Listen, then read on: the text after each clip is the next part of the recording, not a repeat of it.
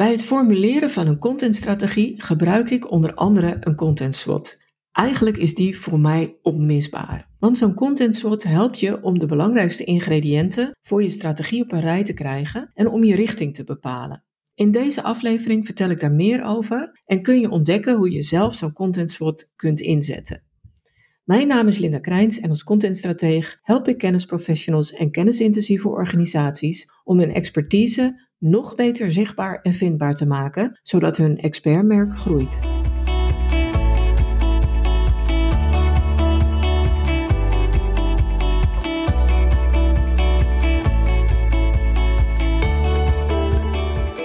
Wat is nou een content SWOT en waarom is die zo handig of zelfs onmisbaar in mijn ogen als je een contentstrategie formuleert? Dat is nou precies wat ik in deze aflevering van de 100% Expert podcast wil adresseren. En waarschijnlijk ken je wel de marketing SWOT. En dan kijk je naar interne en externe factoren die ofwel een kracht zijn, een zwakte, een kans of een bedreiging voor je bedrijf en voor de marketing van je bedrijf. En bij je content SWOT doe je eigenlijk iets soortgelijks. Dan kijk je ook naar je sterktes, je zwaktes, je kansen en je bedreigingen, maar je beperkt je tot de content. Dus allerlei andere factoren spelen niet of nauwelijks dan een rol. Je kijkt puur naar die content. En als je dan de elementen uit je SWOT uiteindelijk met elkaar combineert en confronteert, dan ontstaat er eigenlijk altijd een, een beeld op een kansrijke richting die je op zou kunnen gaan met je contentstrategie en met je alle toekomstige content. Dus ik wil dit graag wat verder uitleggen. En dat begint met de interne beschouwing, de interne analyse die je doet van je sterktes en van je zwaktes. En laten we dan lekker beginnen met de content sterktes, dat is het leukste onderwerp, um, dan ga je bijvoorbeeld kijken van, hé, hey, waar, waar blinkt mijn content in uit? En ik heb artikelen en podcasts gewijd aan je best presterende content. En die kan je al op het spoor zetten van een rode draad van, hé, hey, welke content slaat heel goed aan? Welke content converteert of zorgt ervoor dat mensen een, gewenste actie nemen? Dus je kijkt naar je succesvolle content, maar er is natuurlijk wel meer. Andere contentkrachten die je zou moeten hebben, denk ik, als je een kennisexpert eh, bent of als je het in jouw organisatie om kennis draait, dat is natuurlijk die kennis die in huis is, die expertise. Dat zou je eigenlijk wel als een van je contentsterktes moeten omschrijven. En zo niet, als je daar allerlei mitsen en maren bij hebt, ja, dan is het gewoon lastig om je expertpositie uit te bouwen. Dus ik vermoed dat dit wel een van de dingen is die er standaard bij je in zitten. Maar probeer dan specifiek te maken wat dan de kracht is van de interne expertise die er is. Heb je bepaalde kennis die anderen niet hebben? Zijn er bepaalde experts in je organisatie die andere experts missen? Hebben jullie toegang tot bepaalde data of tot voorbeelden, cases, case studies, etc. Dus probeer het heel specifiek te maken om te voorkomen dat je te veel aan de oppervlakte blijft. Graaf lekker diep. Andere dingen die je als een contentsterkte zou kunnen beschouwen, op het moment dat je ziet dat dat een positief punt is, is het succes van je kanalen of middelen. Misschien heb je een hele goede website waarvan je weet hij is technisch goed, mensen vinden hem prettig in gebruik, hij scoort goed in Google. Dus een kanaal kan ook succesvol zijn en tot een contentkracht gerekend worden. En uh, dat kan voor je website uh, gelden, maar dat kan ook je, uh, je social media accounts betreffen. Of je, je e-mail marketing of een ander kanaal. Misschien ben je heel goed in evenementen, beurzen, et cetera. Dus kanalen kunnen ook een contentkracht zijn. Sommige formats kunnen dat ook zijn. Misschien gebruik je formats en weet je dat die succesvol zijn die anderen minder hebben. Dus je ziet dat ik het ook al steeds over onderscheidend vermogen heb. Hè? En dus ook relateer uh, aan anderen. Uh, misschien maken jullie hele mooie infographics of een hele interessante podcast. Nou, dan ga je alweer richting kanaal natuurlijk. Maar het kan soms zijn dat er ook in format een kracht zit. En uiteindelijk, wat, je, wat nog wel eens vergeten wordt, en dat merk ik dan bij in-company trainingen van contentstrategie, is dat er soms ook een geweldig goed team kan zitten. En dan zijn wij Nederlanders en we houden niet van borstklopperij. En dat vergeten we dan vaak te vermelden. Maar je team waar je mee werkt, en ook als je uh, alleen bent en zelfstandig bent, heb je misschien een aantal mensen om je heen. soms zit de sleutel van een contentkracht ook in het team. Hoe mensen op elkaar ingesteld zijn, de, de, de expertises, eh, hoe, hoe mensen elkaar aanvullen, waardoor er iets heel moois ontstaat. Dus probeer te kijken waar je contentkracht in zit. En nou, ik heb nu een aantal factoren genoemd waar je op zou kunnen letten. Beperk je daar niet toe. Misschien je, zie jij dingen die specifiek voor jou of jouw organisatie zijn, die ik hier nu niet genoemd heb. En het enige is wat ik je wil meegeven, is dat een contentkracht is echt intern. Dus die buitenwereld heeft er niks mee te maken en heeft daar geen invloed op. Probeer dat goed in de gaten te houden. Hou het intern. De externe kant die komt zo meteen. Wat ook intern is, is je contentzwaktes. En die hebben we eigenlijk ook wel allemaal. Dat kan soms ook uit het tegenovergestelde komen van je krachten. En daarom is het ook altijd wel goed om daarmee te beginnen, want dan heb je in elk geval eerst een positief beeld um, en gaat niet het negatieve overheersen. Maar het is ook fijn om te kijken van oké, wat, wat, wat, wat had ik hier wel bij mijn krachtenlijstje op willen schrijven? Maar kan ik niet opschrijven omdat ik zie dat we daar gewoon niet goed genoeg in zijn. En dan ga je naar het tegenovergestelde kijken van die krachten. Dus het kan een, een kanaal of een middel of een format zijn wat tegenvalt, waar je moeite mee hebt om dat voor elkaar te krijgen. Het kan bepaalde content zijn waar je verwachtingen van had, die toch niet presteert zoals je gedacht had. Kun je daarna nog gaan kijken van waar, waar zit hem dat in? Maar dat kun je, als je dat een beeld is wat je in een afgelopen periode ziet, dan zou ik dat zeker meenemen. Wat soms ook kan, is dat je ziet dat je te weinig budget, te weinig tijd of middelen hebt om die dingen te doen waarvan je denkt dat is echt nodig. En hoe hard het ook is, dat kan ook een contentzwakte zijn. En dat is wel iets om straks rekening mee te houden in de uitwerking van je contentstrategie. Want anders ga je plannen maken die je toch niet kan realiseren. En dan is zowel je content als je contentstrategie gedoemd om te mislukken. Dus bij die zwaktes is het belangrijk om zo eerlijk mogelijk te zijn en ook die dingen op te schrijven waarvan je denkt, ja, shoot. Dat had ik nou liever niet zo zwart op wit willen opschrijven. Misschien ook omdat de mensen meelezen. Maar het is wel belangrijk om echt met een objectieve bril ook naar die zwaktes te kijken. En daar kunnen nog veel meer dingen een rol spelen. Wat ik zie bij wat grotere organisaties, is dat soms ook interne regels je in de weg kunnen zitten. Uh, dan zijn er afspraken gemaakt voor ik weet niet wat, waardoor jij niet kan doen waarvan je denkt van ja, maar dat is goed om te doen en, en dat is gewoon zonde. En wat ook een zwakte kan zijn, maar daar kom ik straks nog op terug, is dat je content te eenzijdig is.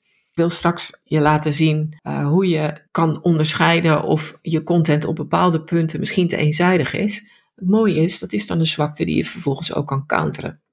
Dus tot zover de interne kant. Maar dan heb je natuurlijk ook de externe kant. En dat zijn de kansen en bedreigingen voor je content. En ik kijk vooral altijd naar de kansen, omdat het bij bedreigingen vaak lastiger is om daar ook echt iets mee te kunnen er is wel iets hoor, waar, je een aanknopingspunt hebt. Maar wat zouden nou kansen en bedreigingen kunnen zijn? Nou, een kans is heel vaak dat er een bepaalde trend of ontwikkeling is in jouw vakgebied of in jouw branche, waarvan je denkt, wauw, daar kunnen wij zo goed op inspelen.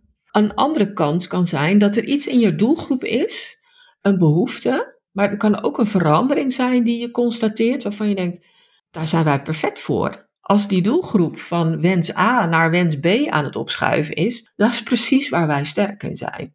Dus soms kunnen verschuivingen in je doelgroep, qua wensen, pijnpunten, behoeften, ook een heel mooi aanknopingspunt zijn. Maar ja, het kan een kans zijn. Het kan ook zijn dat je zegt van hé, hey, ik zie iets gebeuren in mijn doelgroep. En daar kunnen wij nog niks mee, of daar doen we tot nu toe niks mee. Dan is het natuurlijk wel een bedreiging. En dan heb je tenslotte de concurrerende content. En dat is een van de dingen waar ik toch altijd wel op hamer bij het maken van een contentstrategie, om daar heel goed naar te kijken. Analyseer de content van concurrenten. En kijk dan niet alleen naar economische concurrenten, maar naar alle partijen die content maken die vergelijkbaar is met die van jou. En het kunnen websites zijn, het kunnen brancheorganisaties zijn, het kunnen uh, nieuwsplatformen zijn, het kan van alles zijn. En als je daar niet meteen een beeld van, eh, van hebt, dan is het goed om een aantal relevante zoekopdrachten in te kloppen en te kijken van wie komen er boven. En zie ik daar een partij boven komen die vaker ook over de content, dezelfde soort content plaatst als dat wij doen.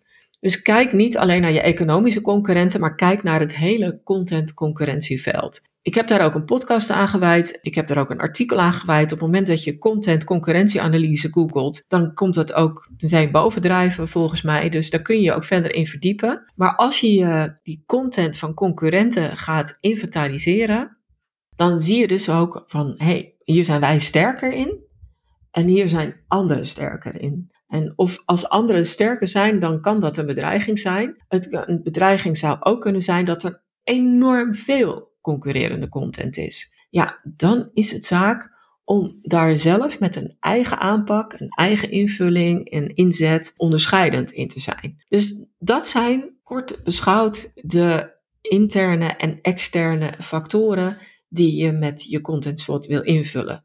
Je sterktes, je zwaktes, je kansen en bedreigingen puur voor die content. En die kun je in een schemaatje invullen en dan kom je met een top 3 of een top 5. Heel veel meer zou ik niet doen per element. Dus vijf sterktes, vijf zwaktes, vijf kansen, vijf bedreigingen. En soms kun je, kom je niet voor elke vakje tot, tot vijf. Dat hoeft niet erg te zijn als je er maar goed over nadenkt. En dan heb je een eerste versie.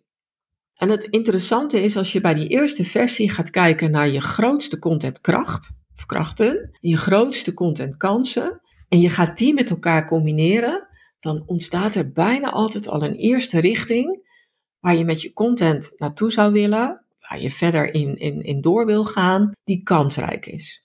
Dus dat is, dat is al het mooie van die eerste versie van die content SWOT. Je krijgt al een eerste beeld. Maar dan zeg ik altijd van probeer nog wat dieper te gaan en probeer dieper te gaan op twee punten.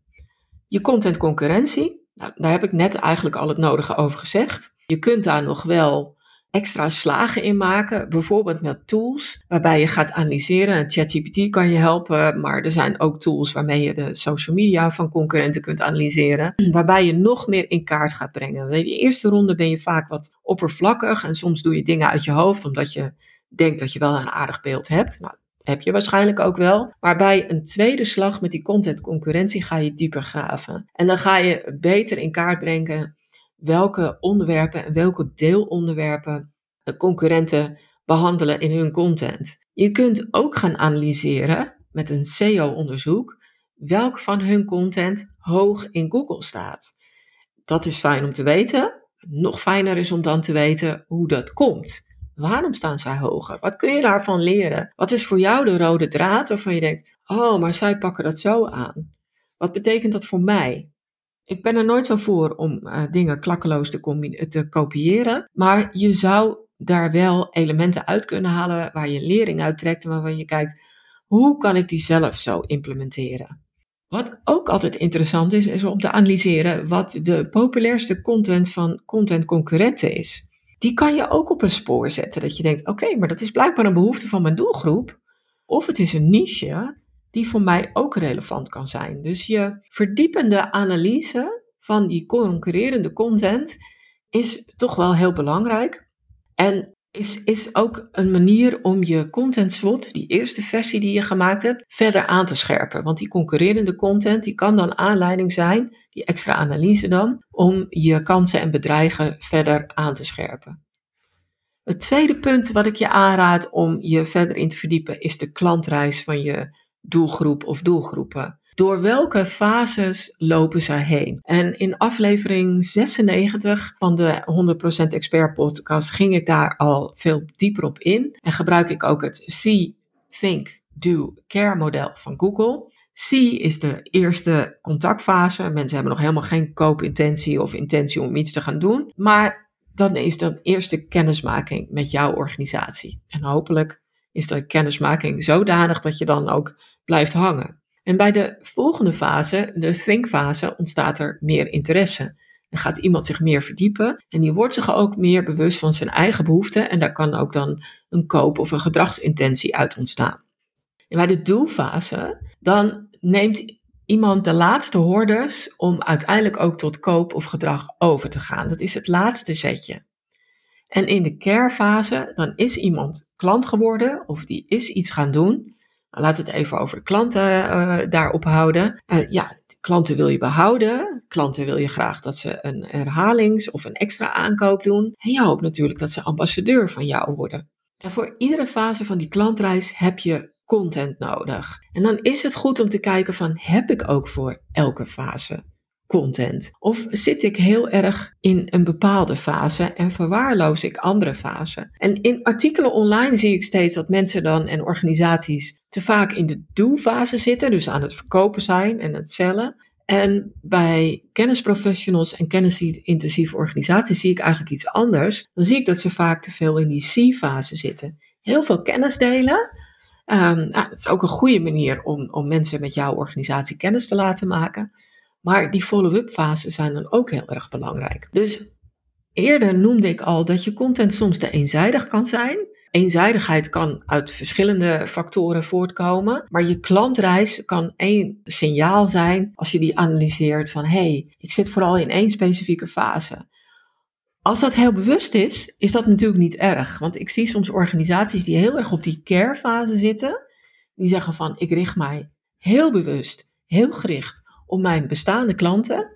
Want ik wil dat ze blijven, bijvoorbeeld omdat ze elk jaar uh, verlengen, of omdat ze extra diensten afnemen, of omdat je heel erg afhankelijk bent van de mond-tot-mond reclame en weet dat dat voor jou een superbelangrijke bron is voor nieuwe klanditie. Dan is er niet zo heel veel mis om je heel erg op die care-fase te focussen. Maar bedenk dan ook bij mond-tot-mond reclame andere mensen dus bij het begin beginnen. En dat je dus ook dan bij die andere fase wel content nodig hebt. Alleen hoeveel en of je dat evenredig over alle fasen verdeelt, ja, dat is per situatie en organisatie wel verschillend. Dus als je die eerste fase van je content soort gemaakt hebt, ga dan nog een keer een extra slag maken door je te verdiepen in die klantreis en de content die je daarvoor hebt.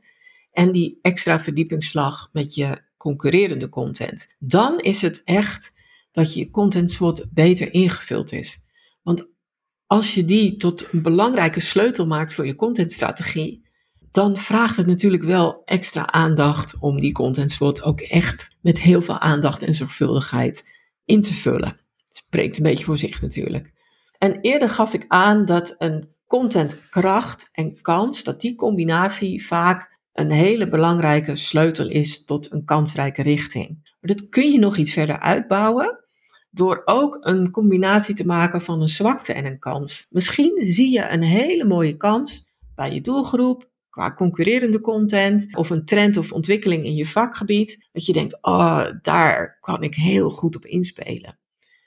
Maar zie je dat je, op, dat je daar nog op bepaalde plekken net iets te zwak voor bent, een bepaalde zwakte hebt. En dan kan dat toch een mooie combinatie zijn, die je zegt van, die pak ik wel mee in mijn contentstrategie, want ik ga gewoon de komende maanden die zwakte compenseren en verbeteren en zorgen dat er niet langer een zwakte meer is. Dus ook die zwakte-kanscombinatie kan in extra aanvulling zijn op je contentstrategie en een beslissing inluiden om een bepaalde richting te kiezen. Dus hoe beter je content SWOT uiteindelijk is, hoe beter het fundament van je contentstrategie wordt. En als je daar hulp bij wil, dan help ik je uiteraard graag. En dat kan op heel veel uh, verschillende manieren. Ik heb power sessies waarbij ik je bijvoorbeeld feedback kan geven op je content SWOT en waarbij we er samen doorheen lopen. Het kost 1 à 1,5 uur plus voorbereiding van mijn tijd. Dan heb je een afgebakende optie waarmee ik je kan helpen met die content SWOT. Uiteraard maak ik ook complete contentstrategieën in opdracht. En een leuke vermelding is dan misschien wel de strategiedag die ik ook heb voor ZZP'ers. Of een bedrijf waarvan één persoon zegt van ja, ik doe eigenlijk altijd die hele contentstrategie. Ik wil zo'n strategiedag doen om samen alle stappen, inclusief die content SWOT, te doorlopen. En daar zit wel huiswerk bij vooraf, want anders krijgen we dat niet in één dag gedaan. Maar in zo'n strategiedag kom je ook tot een uiteindelijke contentstrategie en loop je naar buiten met een heel pakket aan ideeën en acties en een concrete strategie waarmee je aan de slag kan. Dus heb je hulp nodig? Neem contact op. Kijk op de website stroop.nl met stroop is met dubbel S en kijk of ik je op die manier terzijde kan staan. Dankjewel voor het luisteren. Heb je nu een handige tip of inzicht opgedaan, dan wil ik je vragen om een review achter te laten. Of deel de podcast met iemand anders voor wie het interessant is. En wil je meer weten? Op mijn website vind je een gratis kennisbank met checklists, tools, video's en stappenplannen over content, content marketing, maar vooral over het zichtbaar en vindbaar maken van je expertise. En in de Content Academie vind je bovendien tal van online masterclasses en trainingen die je helpen om je expertpositie verder te versterken. Kijk daarvoor eens op stroop.nl en stroop is met dubbel S.